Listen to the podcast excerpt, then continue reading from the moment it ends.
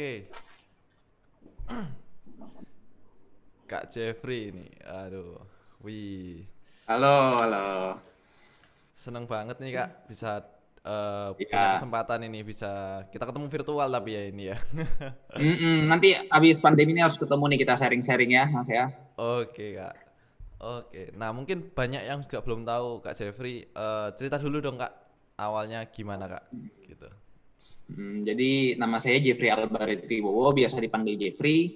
Saya ini seorang dokter, sekarang lagi lanjut pendidikan dokter spesialis di UNER, program studi andrologi. Jadi buat teman-teman yang belum tahu andrologi, andrologi itu mempelajari reproduksi pria, seperti contohnya pada kemandulan, impotensi, kemudian gimana caranya supaya pria itu awet muda. Intinya mempelajari tentang ilmu pria andrologi itu.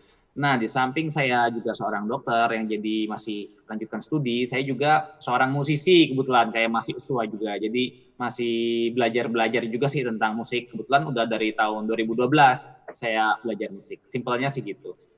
Oke, wow. Udah lama berarti ya Kak. Eh, kita bisa bilang eh ah ini sekarang akhirnya kan punya dua profesi bisa dibilang ini. Dokter juga, eh, musik bisa dibilang musik produser juga. Iya, benar.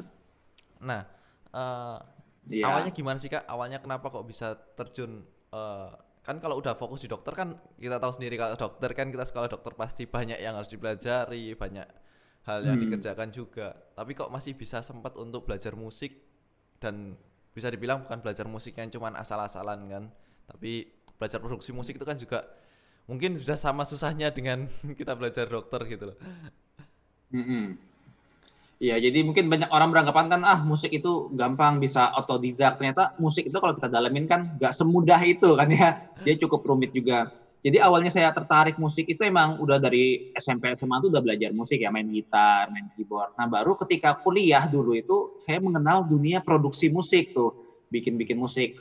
Awalnya itu ya belajar biasa dari laptop, kemudian beli mikrofon 70.000 ribu yang clip on buat ngetek vokal, kemudian nyolok langsung instrumen ke laptop, nggak pakai sound card karena masih belum ngerti. Nah dari situ baru tahu, oh ini namanya rekaman toh. Emang alat-alatnya apa aja sih? Saya googling waktu itu, ketemunya itu forum musik tech. Mungkin masih ingat ya Mas Yosua, tahun Iya. 2011-12. Betul, betul. Nah, jadi 2011-2012 itu kan uh, masih booming banget forum waktu itu Kaskus untuk forum Indonesia. Nah, yang musik itu musik tech. Ada Pak Agus Hardiman di situ saya lihat, oh ini ngajarin musik. Saya akhirnya cari emailnya, saya kirim tuh. Pengen belajar musik itu sebenarnya gimana sih? Karena saya udah bikin musik, tapi kok hasilnya perasaan jauh banget ya sama punya orang-orang. Saya ikut lomba-lomba juga, kok kalah terus ya? Apa yang kurang ini? Ya udah akhirnya bermodalkan nekat waktu itu tahun 2012 di libur semester antara semester satu semester pindah ke semester lain itu ada libur sekitar satu bulan sampai dua bulan gitu karena ada uh, bulan puasa juga. Ya udah saya ke Jakarta waktu itu kemudian saya ngambil kursus full satu bulan produksi musik sama Pak Agus Hardiman. Jadi kerjaan saya di Jakarta itu belajar sama Pak Agus Hardiman belajar tentang musik selama satu bulan penuh. Gitu. Oke. itu cerita awalnya sih. Oke oke. Nah, eh gini, eh, waktu kita ini kan ngambilnya kan di saat sudah eh, bisa dibilang sudah ambil studi untuk dokter, tapi terus Mm-mm. bisa eh, mencabang jadi belajar musik juga. Nah, iya eh, sempat anu ndak jadi kayak keganggu atau eh, banyak orang atau yang bilang juga ngapain sih gitu kok kita kan untuk Mm. belajar musik juga nggak murah gitu loh sekarang untuk biaya belajar untuk kita dapat ilmu yang memang benar-benar bagus kan kita butuh effort kayak gitu nah Betul. itu kan jadi jadi orang memang. Hmm. Memang ilmu kedokteran tuh salah satu ilmu yang cukup rumit, apalagi waktu saya kan saya terus angkatan masuk kedokteran 2010. Jadi 2012 tuh masih sibuk-sibuknya juga kuliah dan kedokteran tuh ada jaga malamnya, ada kegiatan-kegiatan tugas yang cukup banyak, belum ada tugas-tugas yang lain. Memang nggak bisa dipungkirin banyak. Nah, salah satu yang mungkin banyak orang-orang juga buat apa sih belajar musik? Salah satu juga orang tua saya waktu saya minta kan dulu tuh kuliah belum punya penghasilan nih pengen Iya, minta beliin komputer buat rekaman. Ibu saya bingung kan buat apa komputer, buat apa belajar rekaman karena masih belum ngerti. Akhirnya saya rayu-rayu mau diboleh dia dibeliin. Saya juga ngerayu tuh, boleh dong kursus ke Jakarta untuk belajar. Akhirnya dikabulin ya benar-benar harus ngerayu karena waktu itu kan belum punya penghasilan.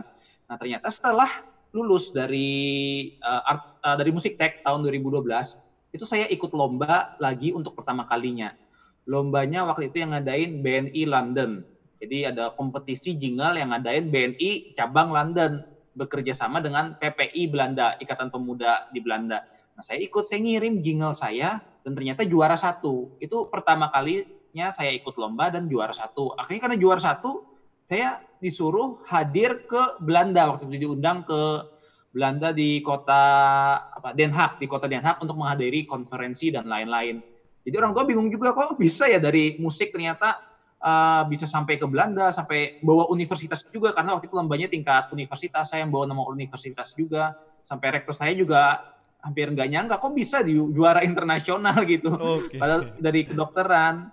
Ya itu tadi ternyata musik itu menurut saya hal yang sangat bebas. Jadi nggak ada aturan baku. Misalnya untuk uh, musisi ini dia harus lulusan musik atau harus belajar musik secara serius karena musik itu universal. Siapa pun bisa jadi musisi buktinya dari dulu kan banyak rocker-rocker yang mereka uh, belajar secara mandiri seperti Kurt Cobain atau mungkin ya banyaklah musisi-musisi. Jadi musik itu bebas. Tentu kalau kita belajar musik itu jauh lebih bagus lagi karena kita memahami dasar-dasarnya lebih jelas. Tapi yang perlu diingat musik itu universal. Beda dengan kedokteran. Seseorang nggak bisa nyembuhin orang kalau dia bukan kuliah kesehatan.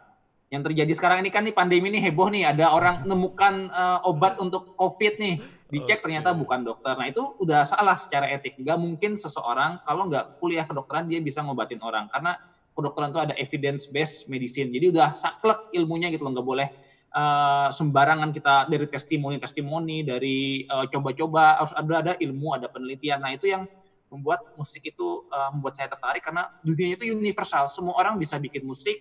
Tinggal gimana caranya mengemas dan membuatnya jadi lebih menarik. Oke, wow. uh, setuju sih kak, setuju, setuju.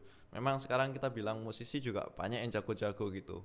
Terus apa yang membedakan mm -hmm. ya mereka punya kemasannya masing-masing gitu. Mereka mau mengemasnya seperti apa.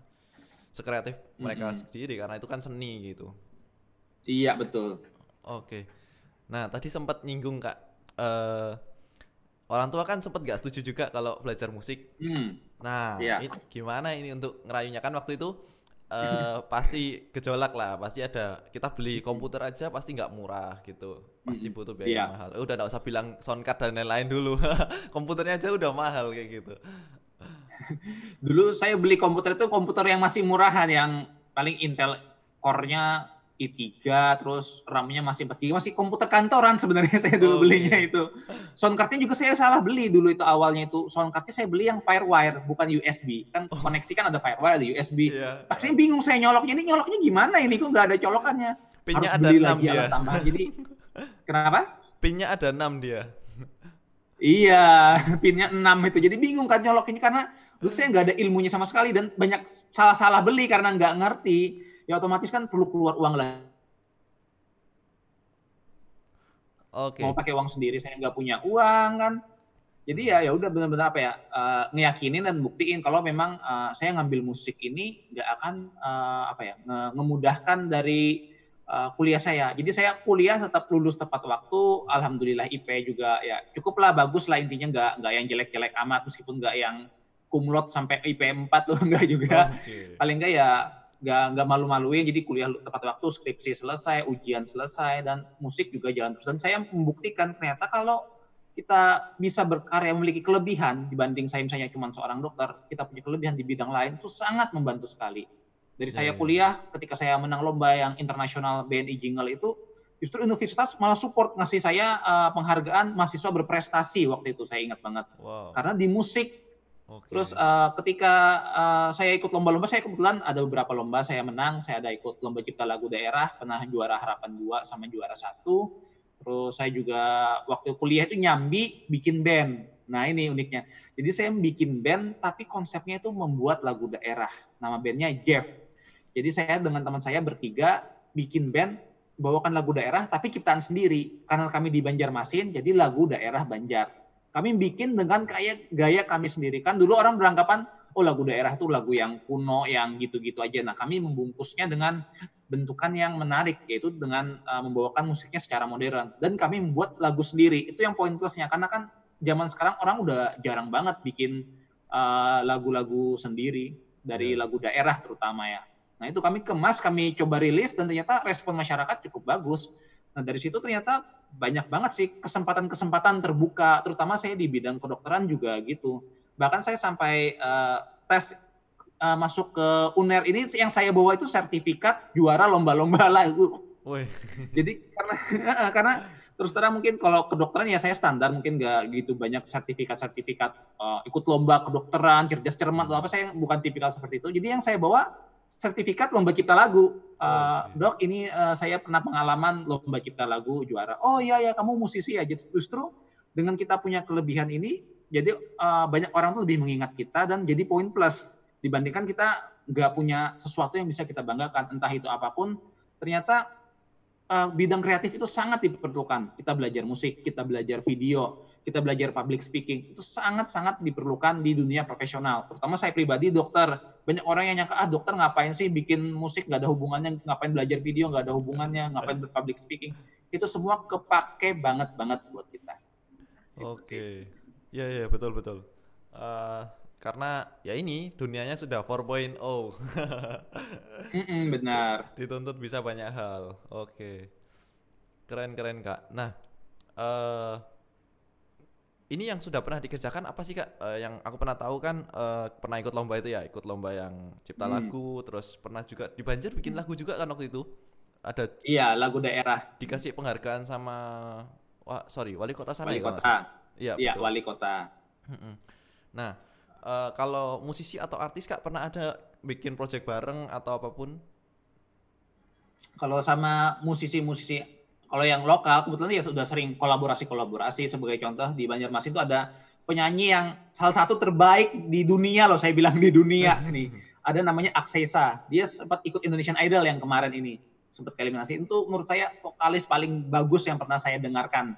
Okay. Jadi uh, ya udah salah satunya saya ketika di Banjarmasin sering ngajak kolaborasi dengan para penyanyi-penyanyi, kemudian di Surabaya juga saya sering ngajak dengan penyanyi-penyanyi lokal. Tapi kalau untuk uh, artis-artis besar paling saya ketemunya ketika ikut event-event. Sebagai contoh ketika saya ikut lomba cipta lagu pop daerah, waktu itu jurinya ada Dwiki Darmawan, kemudian ada sempat Kang Teddy Senada, terus ada siapa lagi saya lupa, ada Rika Ruslan juga sempat. Jadi lebih sering komunikasi-komunikasi gitu sih sampai sekarang dengan mereka. Wow, keren keren keren kak. Oke. Okay. Nah, uh, apa sih kak uh, yang bikin apa ya bisa dibilang uh, ngapain sih kan? Kita bilang orang kan bilang kalau dokter itu udah stratanya paling tinggi gitu bisa dibilang ya sama orang-orang kan hmm. kan biasanya. Terus kalau di musik yeah. ngapain sih musik itu dapat dapat apa sih? Kalau orang-orang zaman dulu kan bilangnya e, nah. ngapain sih belajar musik? E, mau ngapain bikin musik ngapain main musik? Itu kan e, mau mau makan apa nanti? Kayak gitu. Nah itu menurut kak gimana? Nah ini ini ada fakta yang cukup mencengangkan. Saya kalau bilang juga pasti uh, saya yakin Mas Yosua akan kaget. Jadi gaji saya sebagai dokter, saya pernah kerja sebagai dokter umum ya. Saya pernah praktek itu dari jam 8 pagi sampai jam 4 sore. Itu gajinya sehari 50 ribu flat. Oke. Okay. Dari jam 8 sampai jam 4 sore. 50 ribu flat. Kalau musisi berapa tuh Mas Yosua kalau event tuh? Tahu sendiri kan? berapa puluh kali lipatnya? Itu realita. Jadi uh, teman saya ada dari Junior Doctors Network organisasi dokter. Dia bikin survei berapa gaji dokter di Indonesia. Ternyata gaji dokter itu per bulan itu banyak banget yang di bawah 3 juta. Banyak banget. Dan realitanya seperti itu. Uh, kalau kita saya sebagai dokter bilang gaji-gaji dokter di klinik-klinik dokter umum ya saya bilang. Mereka bekerja di klinik itu ada yang uh, satu shift penuh 8 jam ada yang 100 ribu, ada yang 150 ribu. Dan orang-orang dokter itu banyak yang berminat ngambil itu secara lepasan per hari ya, 100 ribu per hari, 150 ribu per hari. Dokter-dokter itu banyak karena uh, kebetulan dokter di kota-kota besar seperti Surabaya, Banjarmasin itu cukup banyak populasinya. Logikanya kalau orang yang punya klinik ngapain saya naruh harga mahal untuk gaji dokter sedangkan dengan saya 150 ribu per shift udah banyak yang ngambil. Nah itu realitanya. Jadi kalau dulu mungkin ya, oh dokter itu mapan. Nah, kalau sekarang itu dokter itu justru harus berpikir kreatif, dokter umum. Gimana caranya supaya dia bisa survive? Ya entah dia bikin klinik, entah dia makanya kalau kita lihat dokter-dokter umum zaman sekarang tuh dia kerjanya nggak jadi satu tempat. Pasti dua tiga tempat paginya di rumah sakit, sorenya di klinik ini, malamnya di klinik ini. Pasti kayak gitu. Karena apa? Karena ya memang realitanya seperti itu. Gaji dokter itu eh, ya nggak sebombastis bombastis banget. Ada yang ya saya ngeliat teman-teman saya sih ya ya kasihan aja gitu loh kadang uh, dengan resiko yang penuh berbahaya dan uh, kalau salah bisa kena tuntutan hukum, harus rutin upgrade ilmu ikut seminar, pembiayaannya banyak ternyata gajinya ya nggak sebombastis itu untuk dokter umum. Makanya tetap harus punya poin plus. Saya terus terang dulu tuh sempat ya dokter saya jalanin, musisi saya jalanin. Itu kalau boleh jujur ternyata dari musik itu jauh lebih besar dibandingkan dokter waktu itu. Ya karena waktu itu saya ngambilnya kliniknya yang masih murah tuh ya, 50 ribu dari jam 8 sampai jam 4. Bandingin ketika saya ngerjain lagu, sekali lagu tuh, oh udah dapat berapa juta itu kan. Jadi kan, wah dengan musik aja bisa segininya loh. Tapi bukan berarti saya ngelupain dokter, karena saya ngerasa dokter itu ya panggilan jiwa, pasti apa ya, ilmunya ini kalau nggak saya terapkan ini sayang nanti saya lupa makanya saya tetap berusaha jadi dokter kemudian saya akhirnya cari rumah sakit rumah sakit lain untuk menghidupi sampai akhirnya udah mulai stabil nih keuangan dari menjadi dokter nah uang dari gaji dokter ini yang banyak membiayai saya sebagai musisi untuk beli-beli alat untuk bikin video dan yang awal-awal ya jempat musik ini yang me mendompleng saya untuk mempromosikan dokter saya ngelamar kerja juga tetap pakai sertifikat lomba cipta lagu Okay. Lamar kerja di rumah sakit waktu rumah sakit swasta di Banjarmasin.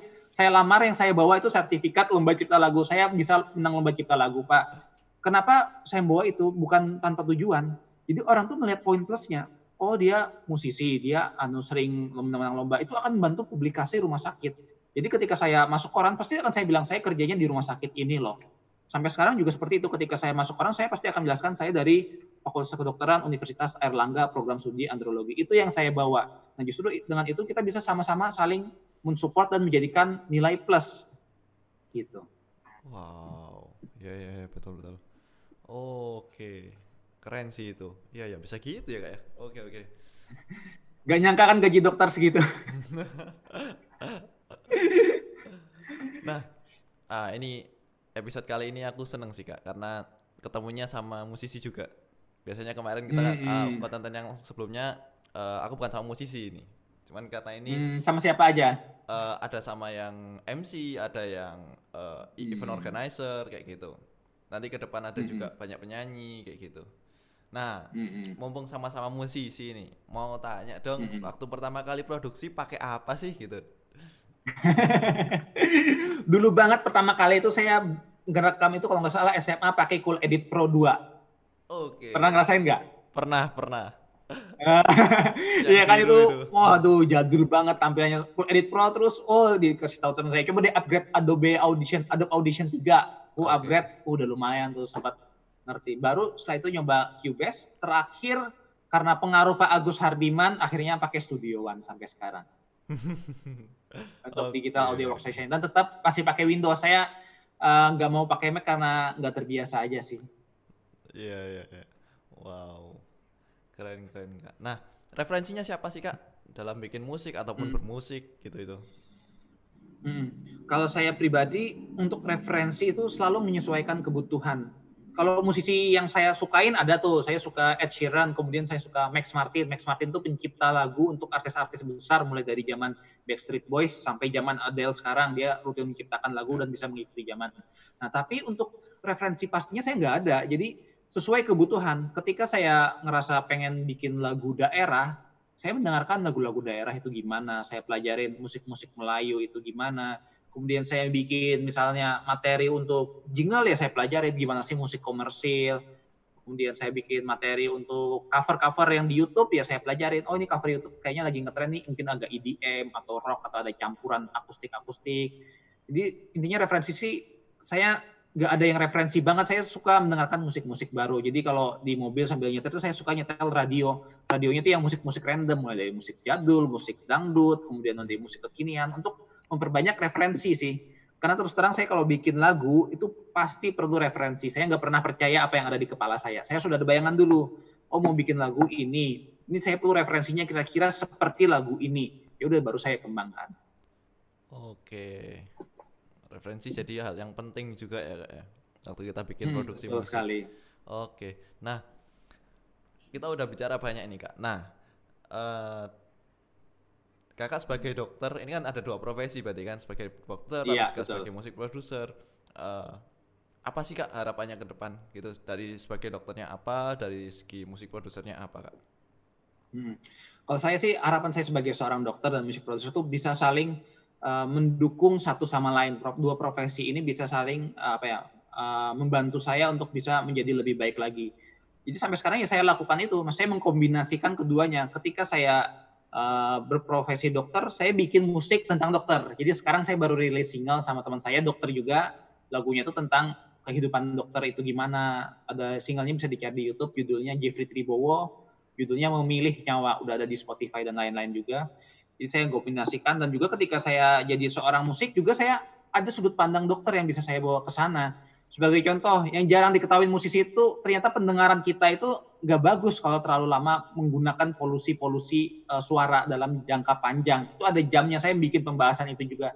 Nah, jadi keduanya ini saling mendompleng lah karena dunia musik dan kedokteran itu masih sangkut paut sebenarnya masih bisa berhubungan kalau ada kita bisa melihat dari sudut pandang lain. Nah, itu yang harus menurut saya saya perlu bawa untuk ke depannya supaya bisa mempromosikan satu sama lain. Apalagi di era sekarang ini kan profesi kedokteran itu, waduh, image-nya banyak stigma-stigma negatif yang dokter mata duitan, mengcovidkan pasien dan lain-lain. Nah, itu yang mau saya hapuskan dengan membrandingnya dari musik salah satunya begitu sih.